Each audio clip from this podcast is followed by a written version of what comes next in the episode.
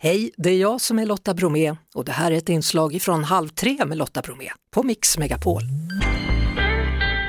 Hörrni, igår så tillträdde ju den nya regeringen och som sig brukligt är fick de nya ministrarna frågor om eventuella skelett i garderoben. Niklas Svensson, Ja. är detta en svensk tradition? ja, men det skulle man nog kunna säga. Jag vet inget land där man granskar politikerna så ner på detaljer som vi gör här i Sverige. Det är klart att man granskar politiker i England också till exempel och där kan de få utstå stor granskning av sina privatliv. Men, men eh, här i Sverige har det blivit en tradition att plocka fram nya ministrars lik ur garderoberna. Ja, Orsin Kantvel han skrev igår då om den svenska journalistikens mest enfaldiga tradition. Ja, det kan man ju tycka. Och han, han har säkert eh, stöd av ganska många politiker som har varit utsatt för granskning. Eh, det kan nog vara tufft, men å andra sidan vet de nu vad som väntar. Det är så här det går till. Du, och, och allra smartast är ju att lägga korten på bordet direkt, för då blir det sällan en stor sak av det. Det är de skelett i garderoben som inte har presenterats och som avslöjas efter några dagar eller några veckor som oftast gör st- störst skada. Igår fick vi veta då att vice statsministern Ebba Busch, hon har en sminkskuld till Bianca Ingrosso. Ja, Ja, försvarsministern Pål Jonsson, han har p-böter. Eh, skolministern eh, Lotta Edholm, aktier i friskolekoncern. Eh, och sen var det statsministern som hade någon, eller har haft någon skatteskuld. Alltså, hur ska man vara för att bli politiker Mm. Jo, i nu, detta den land? frågan kan man ju fundera över. Jag, det som slog mig när jag såg årets lista, det var att jag hade då aldrig kunnat bli politiker om p-böter är en sak som ska listas, för sådana har jag fått många. Då är vi två. Ja. Så de slipper oss som politiker med andra ord. Men, men du, det är ändå intressant, för ställer vi lägre krav för att eh, det har ju varit så tidigare. Mona Sahlin råkade betala någon Toblerone med ett felaktigt kort. Göran Persson snattade smågodis, då hände det i och för sig ingenting.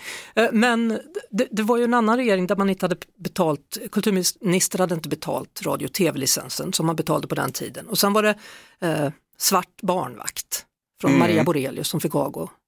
Vet du, jag tror att gemensamt för många av de här är antingen att de har en historia av att ha varit ifrågasatta och därför faller enklare. Eller så har de ingen historia alls, det vill säga de saknar politisk förankring och därför faller de. De har ingen uppbackning av kollegor. Och I Mona Sahlins fall så var det det första, i Maria Borelius fall så var det det andra som gällde. Hon hade ingen backning bakifrån, ifrån statsminister Fredrik Reinfeldt eller från de andra.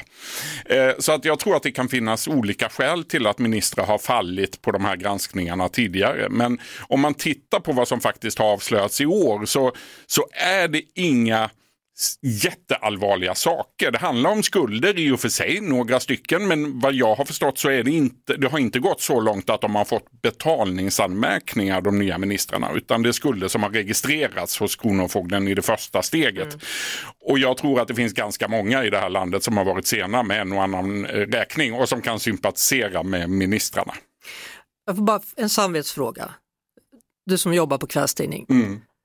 Har man liksom den här kunskapen långt tidigare och så ligger man laddad. Nu ska vi se vilka ministrar det blir och så trycker man på en knapp och så står det ja den har gjort så och så, den har inte gjort så och så.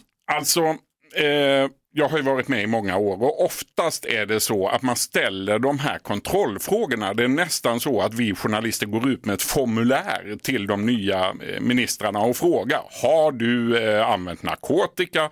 Har du haft några betalningsanmärkningar? Har du kört för fort? Vi ställer en massa kontrollfrågor.